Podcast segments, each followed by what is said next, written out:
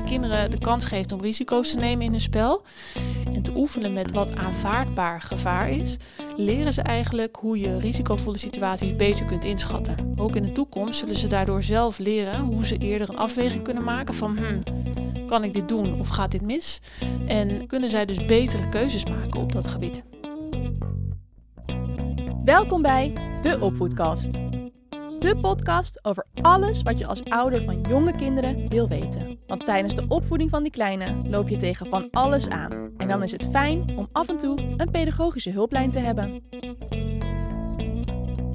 Hey Laurie, daar zitten we weer. Hey, Hoe is het? ja, gaat goed. Ja, zeker. Met jou ook? Ja, ook goed. Fijn. Ja, mooi. En waar gaan we het vandaag over hebben, Amber? We gaan het vandaag hebben over risicovol spel. Ja, een leuk onderwerp. Ja, en we hebben weer eh, via onze Instagram-pagina Company Kinderopvang weer een aantal vragen binnengekregen. Mhm. Als jij zelf als luisteraar nou een vraag hebt, dan kun je die insturen via de Instagram of Facebook van Company Kinderopvang of mailen naar podcast.company.nl. En eh, ja, risicovol spel, Laurie. Mhm. Iedere ouder wil zijn kind natuurlijk behoeden en beschermen voor gevaar. Ja. Maar in de praktijk betekent dit vaak dat we misschien een beetje te snel ingrijpen. Ja. Toch? Ja. En omdat we te snel ingrijpen, kunnen we ervoor zorgen dat we eigenlijk de ervaring die een kind kan opdoen, ehm, ja, wegnemen of, ehm, of eh, voorkomen. Ja.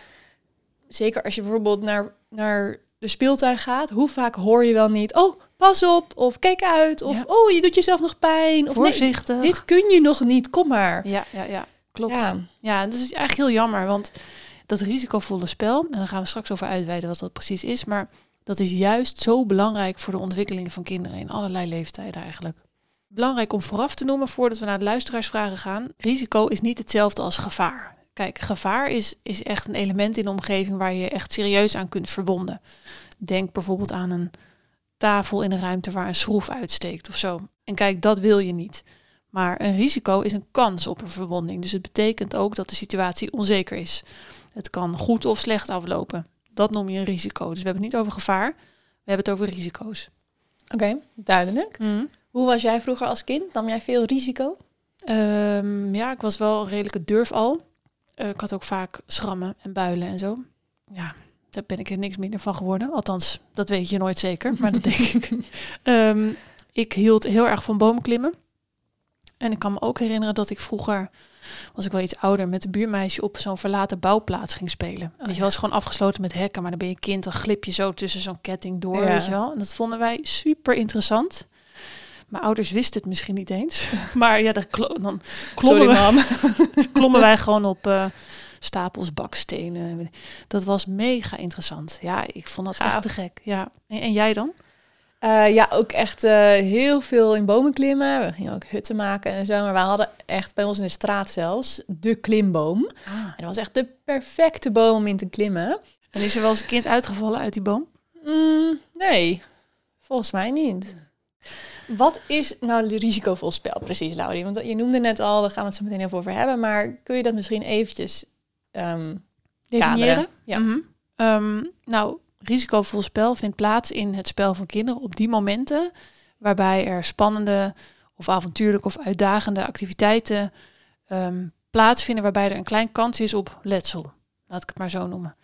En dat soort activiteiten kun je eigenlijk onderverdelen in verschillende soorten spel.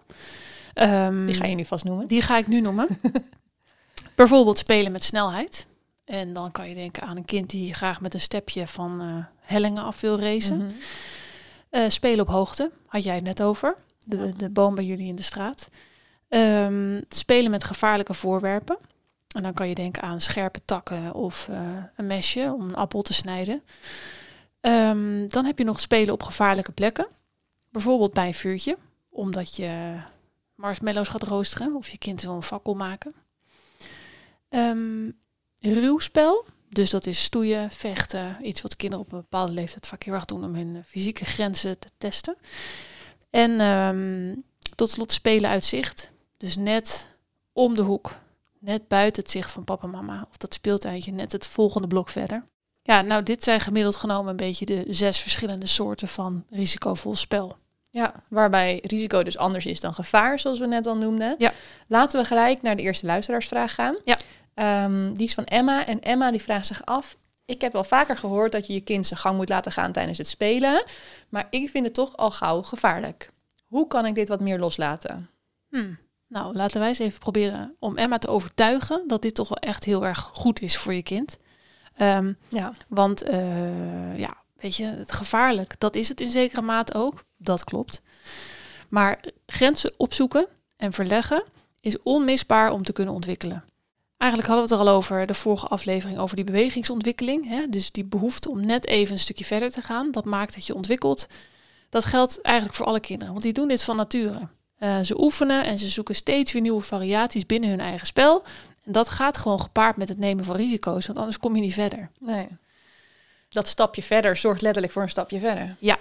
Ehm, en waarom zou je dit als ouder nou wat meer oogluikend moeten kunnen toestaan af en toe?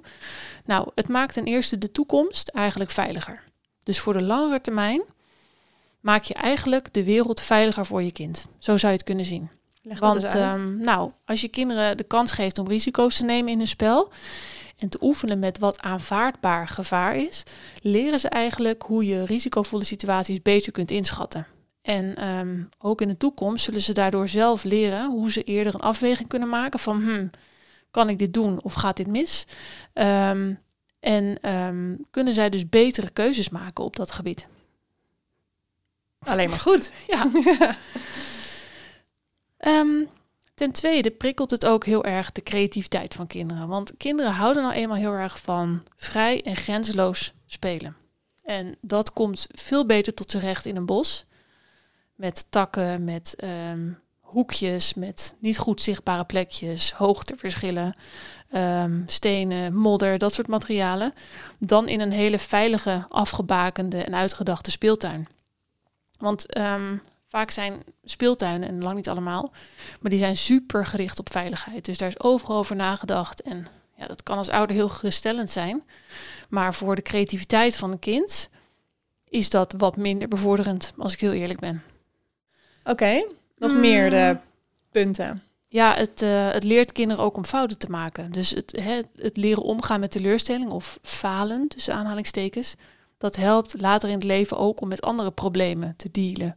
Ehm, dus wanneer een kind letterlijk mag vallen en leert dat hij zelf weer op kan staan, dan geeft dat heel veel zelfvertrouwen en ehm, doorzettingsvermogen en een gevoel van eigenwaarde. Als jij steeds voorkomt dat je kind valt, dan blijft dat leermoment uit. Maar risicovol spel kan toch ook wel echt negatieve gevolgen hebben? Ja, ja, dat kan. Kijk, je kind kan zich eh, fysiek verwonden. En eh, die kan eh, een, een- een, schram oplopen, een bel. Eh, ja, het kan ook erger zijn. Daar gaan we niet vanuit, maar het kan. Je kind kan zich ook heel angstig voelen en een hele nare ervaring hebben. Doordat Ja. hij dacht in te kunnen schatten dat hij ergens wel vanaf kon springen. Het bleek toch wat hoger en daar is hij heel erg van geschrokken. Dat kan.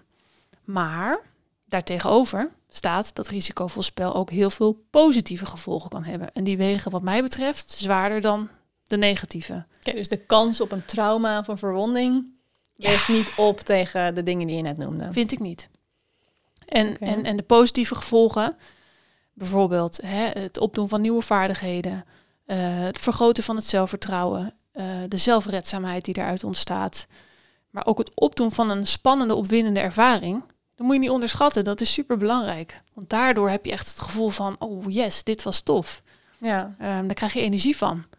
Ehm, Maar ja, soms heb je dus inderdaad de kans dat je kind wel degelijk echt een fikse verwonding oploopt. mhm. Wanneer moet je dan dus als ouder wel ingrijpen? Wanneer, ja, wat voor grenzen kun je wel aangeven? Ja, dat is een goede vraag.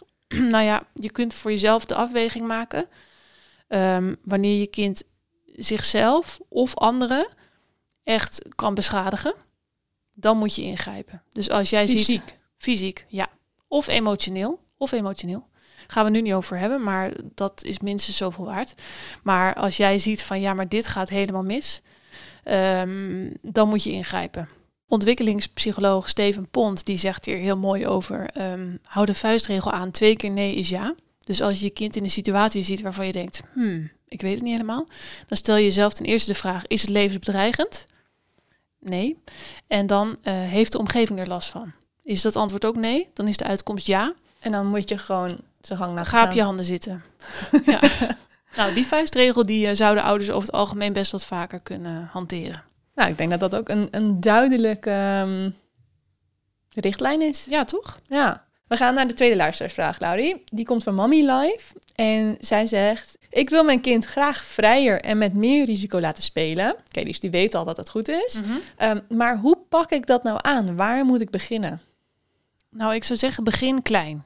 Dus je hoeft niet in één keer van de een op de andere dag te besluiten... ik ga mijn kind helemaal vrij laten. Eh, ik ga meteen eh, naar die speeltuin om de hoek laten gaan. Ik laat het helemaal los. Eh, maar kijk eerst eens goed naar jouw specifieke kind. En kijk naar wat hij al kan, wat hij wil. En probeer een, een beetje afstand te nemen. En kijk eens hoe dat gaat. Ehm, want vaak de momenten dat je ingrijpt als ouder... dan is dat uit de macht der gewoonte. Bijvoorbeeld als je kind op een muurtje aan, gaat lopen... dat je standaard zijn hand vastpakt. Ja. Of ehm, ja, dat je standaard een, een, een- steuntje in de rug geeft wanneer je kind een klimrek op wil, weet je wel. Of er met armen omheen gaat staan, zodat Ja. je het op kunt vangen als hij, als hij valt. Dat soort momentjes, ja, die, als je daar nou bewust even denkt van oké, ik zet gewoon een stapje achteruit. Letterlijk? Ja, daar begint het eigenlijk al mee.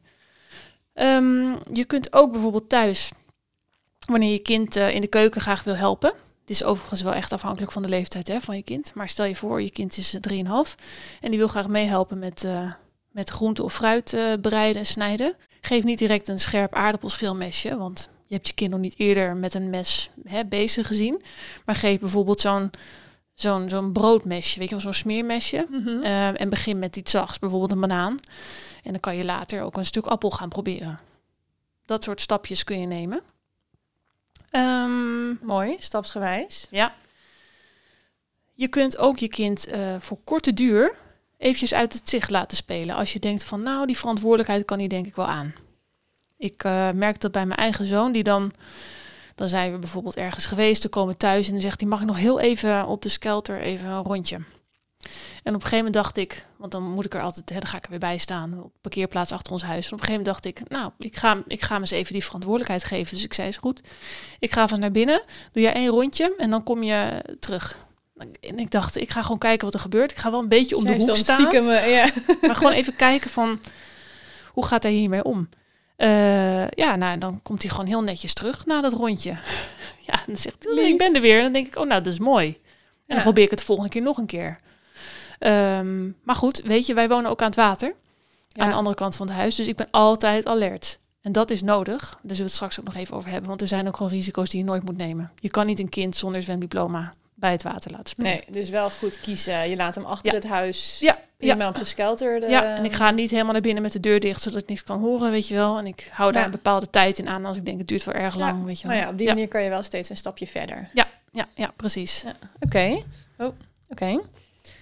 Eh, Nog andere dingen die je Mommy Life wil meegeven? eh, ja, naast het fysieke eh, afstand nemen is het ook belangrijk dat je je ook probeert verbaal een beetje in te houden. Want al het goed bedoelde coachen, wat ouders soms doen, ook in zo'n speeltuin. Van eh, ja, eh, Ook al is het positief. ja, van, ja, je bent er bijna. En eh, nee, je hand nog ietsje minder. Weet je, dat coachen, ja, ehm, ja. dat is goed bedoeld. Maar het Ook kan één. Het kan, het kan één, het kind ook uit het spel halen. Want die is geconcentreerd. Die hoort in één keer allemaal getoeter achter zich. waar hij zijn hand moet plaatsen. En ehm, eh, eh, twee, het is niet nodig. Want ook daarin laat je kind zelf voelen met zijn voet. Van, oh, ben ik er bijna? Oh ja, ik voel het. Als jij dan al hebt gezegd, ja, je bent er bijna. Weet je wel, dan, ge- dan geef je het hem eigenlijk al voor.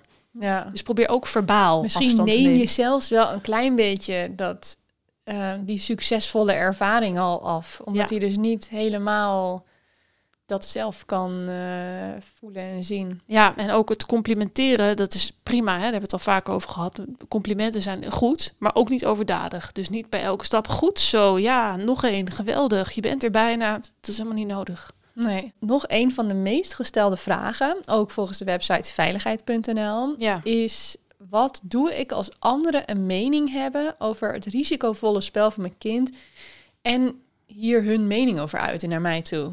Terwijl ik er zelf dus oké mee ben. Ja, dit is inderdaad ook voor mij heel herkenbaar. Ja, dit is echt iets waar veel ouders mee zitten. En dan ben je dus zelf eindelijk zover om... Ja. Of nee, misschien niet eindelijk, maar dan ben je dus zelf zover om je kind dus risicovol te laten spelen. Ja, dan en krijg je de buurvrouw. ja, je weet hoe je dit aanpakt en dan krijg je inderdaad... eh, buurvrouw met haar mening. eh, Ja. ja, nou dat is altijd lastig. Want Andere ouders die hebben gewoon altijd een mening. Ouders zijn eigenlijk vaak best wel uh, hard naar elkaar. Want die weten het altijd beter en die hebben altijd Ja. weer tips en adviezen, terwijl je er helemaal niet op zit te wachten. Ehm, en dat kan gaan over grenzen stellen, over het eetgedrag van je kind, over het slapen. Eigenlijk alle onderwerpen die wij in deze podcast bespreken. Ehm, maar altijd zul je hebben dat andere ouders of opa en oma of de buurvrouw er iets van vinden. Ehm, ja, dus hoe kun je nou reageren? Dat is een goede vraag.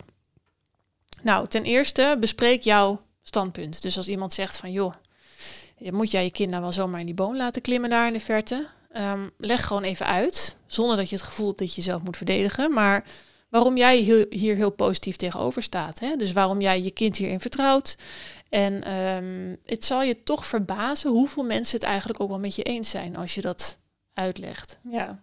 ja, weet je, je kunt het natuurlijk ook beargumenteren. Want je hebt er zelf ook goed over nagedacht. En het is niet dat je zomaar lukraak je kind zijn gang laat gaan. Maar Nee. dat, dat doe je ehm, stapsgewijs en toch met een bepaalde mate van veiligheid. Precies. En ehm, wat je ook kunt doen is met andere mensen die er wel net zo over denken als jij, het goede voorbeeld geven. Ehm, dus dan zul je zien dat er eigenlijk ineens veel meer kinderen in die boom zitten. Ehm, of mogen helpen bij het maken van een vuurtje. Waarbij de eerste ouders zeiden van nou weet je, kom maar en doe maar niet. En als jij het goede voorbeeld geeft en er sluiten steeds meer kinderen aan, dan zul je zien dat ook goed voorbeeld doet volgen. Dan Ja. zijn andere ouders er ook wat geruster op en die denken nou, het zal wel goed zijn. Ehm, Als ja. dat kindje het kan, dan... eh, Kan die van mij het ook. Ja. ja. Spreek ook het vertrouwen uit in je eigen kind. Hè? Dus weet je, benoem ook, ja, elk kind is anders. En eh, elk kind heeft andere capaciteiten. Maar ik vertrouw die van mij hier volledig in. Zoiets. Ehm, en dan ook nog is het goed om te respecteren dat dingen soms ook anders gaan als je kind ergens anders is. Weet je, denk aan een logeerpartijtje bij open oma. Eh, jij weet dat jouw kind eh, avontuurlijk is en houdt van bomen klimmen en dergelijke. Eh, maar open oma die zijn standaard, nee, kom er maar uit. Je bent al veel te hoog. Ehm, Het lijkt me heel lastig. Is heel lastig en het is toch goed om, om, om dat te respecteren. Omdat je toch ook moet inbeelden van ja, open oma, die ervaren toch een heel ander gevoel van verantwoordelijkheid en van eh, ja, veiligheid voor jouw kind. Nou weet ik dat jij altijd nog een, eh, een fijne afsluiter hebt, Laurie. Ja, Wat wil je tot slot nog kwijt? Mm, nou, dat we in deze podcastaflevering spreken over aanvaardbare risico's. En dat betekent dat je wel altijd logisch blijft nadenken over wat aanvaardbaar is en of dit risico van toepassing is op jouw kind. Dat wil ik wel nog echt even meegeven. Dus wat ik net noemde over dat een kind zonder zwemdiploma bij het water laten spelen. eh, een kind wat pas net kan fietsen, meteen meenemen op de openbare weg. Ehm, dat zijn dingen die doe je niet. En dat vereist wel ook gewoon logisch nadenken van... Hm, is dit nu handig? Is dit veilig? Eh, maak die afweging altijd voor jezelf. Ehm, maar voor alle ervaringen in je volwassen leven... doen de kinderen hun eerste ervaringen op in die tijd... waarin ze het risicovolle spel ontdekken. Dus ehm, ja, gun je kind ook de kans om die ervaringen op te doen. Mooi. Dex die zat van de week naar een kinderserie te kijken. En daar zei een van die personages, die zei... Je kunt niet dapper zijn als je niet weet wat angst is. Oh, dat Ja. vind ik echt een mooie. Dit is helemaal wat, even, Ja. wat ik even in deze podcast wilde noemen. Mijn vader zei dat vroeger altijd tegen mij. Ja, echt? Ja, dat is toch mooi? Ja, nee, zeker mooi. Ja, want hoe, hoeveel kun je van een kind verwachten dat hij moedig is en doorzet en nieuwe dingen probeert, als je hem niet de kans geeft om te ervaren Ja. dat het ook mis kan gaan. ja. Dus eh, dat is ja, moedig betreft, zijn eh, is juist je over die angst heen zetten. Ja, dus dat is de afsluiter van vandaag. Nou, weer een hele mooie. Dankjewel voor het luisteren. Mocht je nou zelf een onderwerp hebben wat je graag besproken wilt horen in deze podcast of een vraag hebben voor ons, dan horen we die graag. En dan kun je die sturen naar podcast.componenten.nl of naar de Facebook of Instagram van Componenten Kinderopvang. Tot de volgende keer. Tot de volgende keer.